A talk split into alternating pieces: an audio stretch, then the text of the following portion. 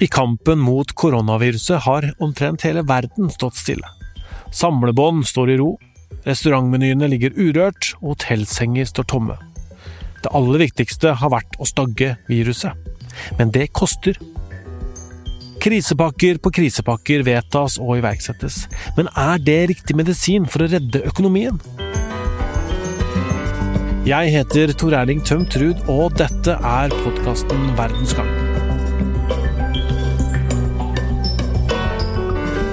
Nå mens økonomien i Norge mer eller mindre har vært eh, lokka ned, har myndighetene jobba for å få opp krisepakker for at bedriftene skal kunne berge seg.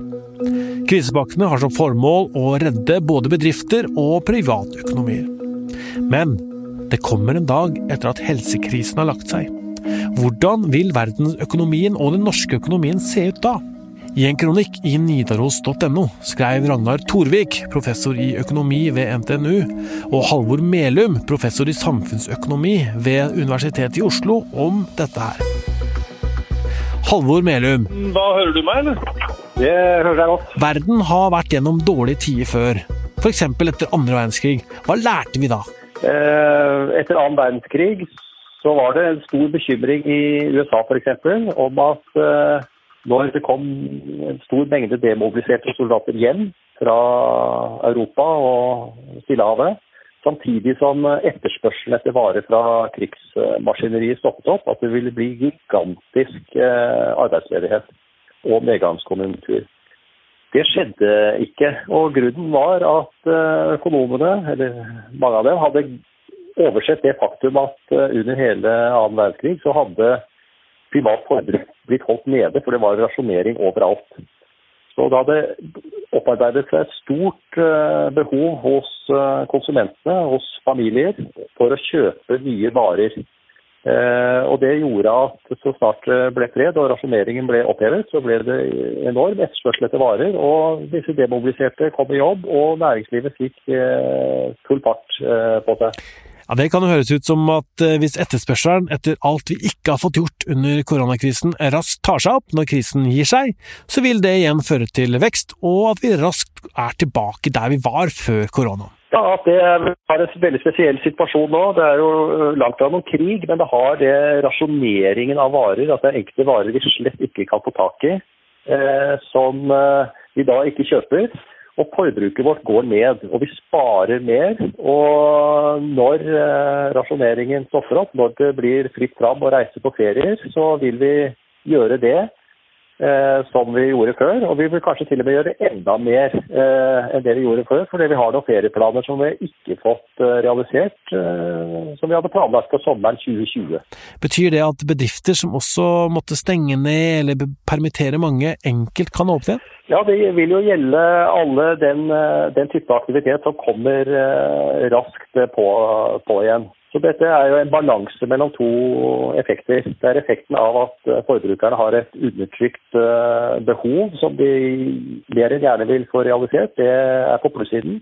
Men så er det jo også at det kan hende at koronakrisen har medført at folk er litt sånn utrygge med hensyn på fremtiden. Og Da vil det redusere lysten på å bruke penger. Og så kan det, Hovedproblemet er jo at hvis dette trekker for langt ut, så vil en del av disse bedriftene i mellomtiden ha gått konkurs. Og Hvis arbeidsledigheten går fort opp, er det da enkelt å få den ned? Ja, Hvis det blir fritt fram å produsere det de tidligere produserte og ingen hindringer, så vil det være veldig greit å få disse tilbake i jobb. Hvis det trekker ut og det som var permittering blir eh, oppsigelse, bedriften som holder det gående måned etter måned uh, uten omsetning. Etter hvert så, så, gir de opp og går til oppbud. Uh, da vil jo denne tilbakekomsten ta mye lengre tid. Så Det er jo helt avgjørende at det gjøres så kortvarig som mulig. Hvis det ikke kan gjøres uh, kortvarig, så er det helt avgjørende at bedriftene får nødvendige inntekter over statsbudsjettet da, til å holde seg flytende til oppturen kommer. Myndighetene i Norge har kommet med disse økonomiske krisepakkene for å begrense det økonomiske tapet. Land over hele verden tilbyr bedrifter og innbyggere økonomisk støtte. IMF, Det internasjonale pengefondet, tilbyr kriselån til land som ikke sjøl har råd til å komme med krisepakker. Så land over hele verden er villige til å bruke penger, masse penger, på å redde økonomien. Men tiltakene myndighetene kommer med, er ulike i de forskjellige landene. Halvor, hvordan kan vi enkelt forklare de tiltakene Norge har gjort? Ja, det er tre hovedkategorier av tiltak. Det er tiltak på kredittsiden, slik at eh, eh, bedriftene skal få lån og finansiering. Eh, det ligner litt på ting som ble gjort under finanskrisen, så det kan vi la ligge nå. De nye tiltakene er, som er koronaspesifikke, er at disse bransjene som er spesielt rammet av smittevernhensyn, har fått uh, en pakke hvor de skal få dekket sine faste utgifter. Uh, og så er det også de bransjene som er indirekte rammet uh, ved at det ikke er strengt tatt forbudt å drive, men at de pga. helsevernstiltak har liten omsetning. Enten fordi det er vanskelig å utføre jobben, eller fordi at kunden ikke kommer. For disse bedriftene med redusert omsetning så er det også en eh, ordning hvor de skal få dekket deler av sine faste utgifter.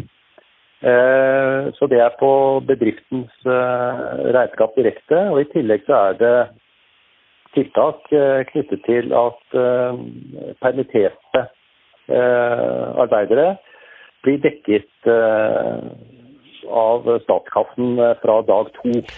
I kronikken som dere har skrevet, så peker dere på at uh, disse tiltakene kan virke uheldige. Hvordan da? Jo, Det som er hensikten med tiltakene, er å uh, gi nødvendige inntekter til de som blir permittert, og uten at bedriften blir skadelidende.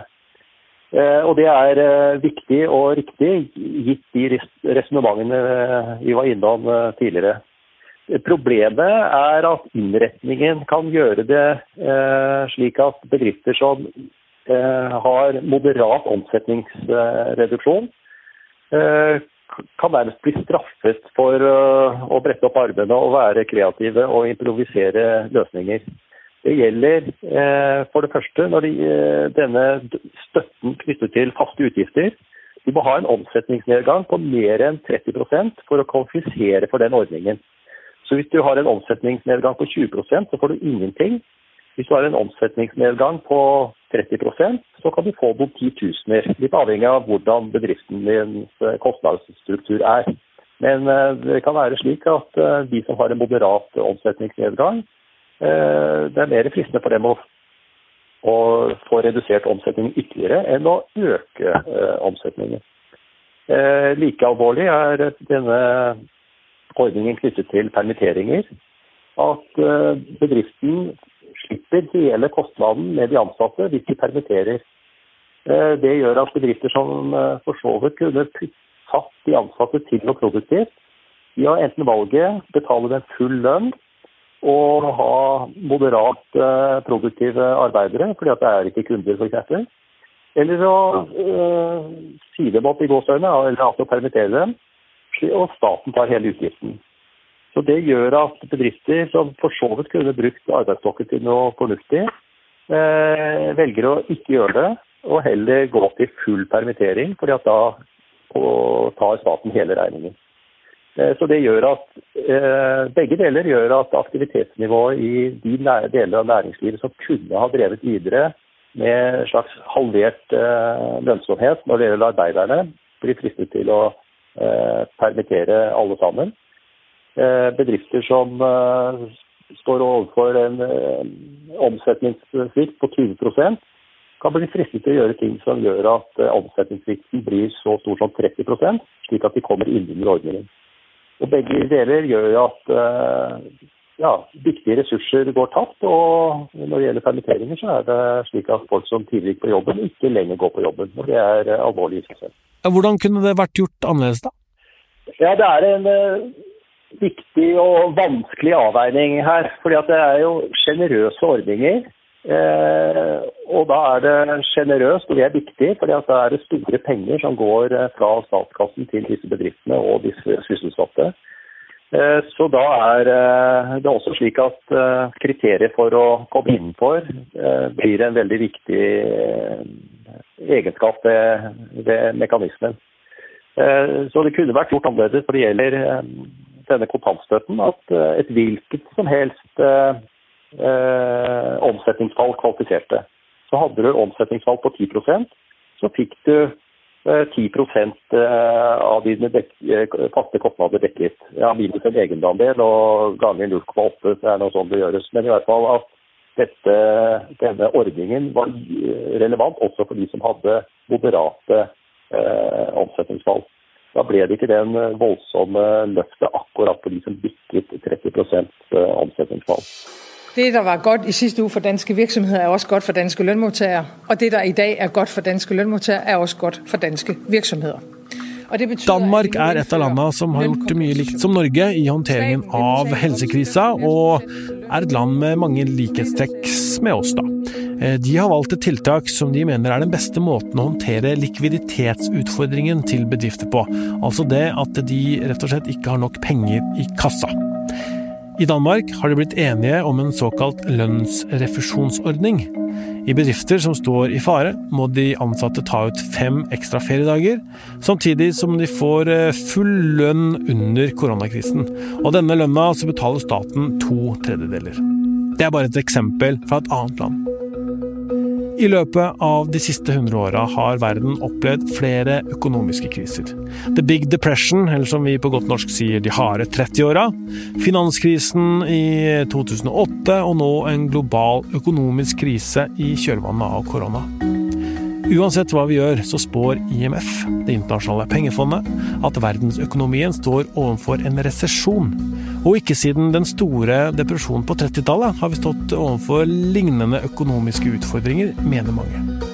Når økonomien over en periode på seks måneder går inn i negativ økonomisk vekst, kaller vi det resesjon.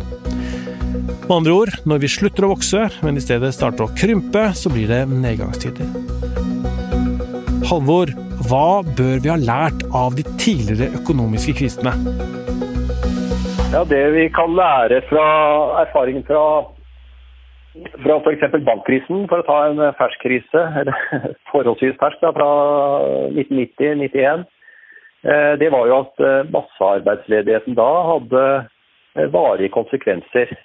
For stor ledighet noen år gjør at noen hekter av arbeidslivet og blir varig utstøtt kan vi si, fra arbeidslivet.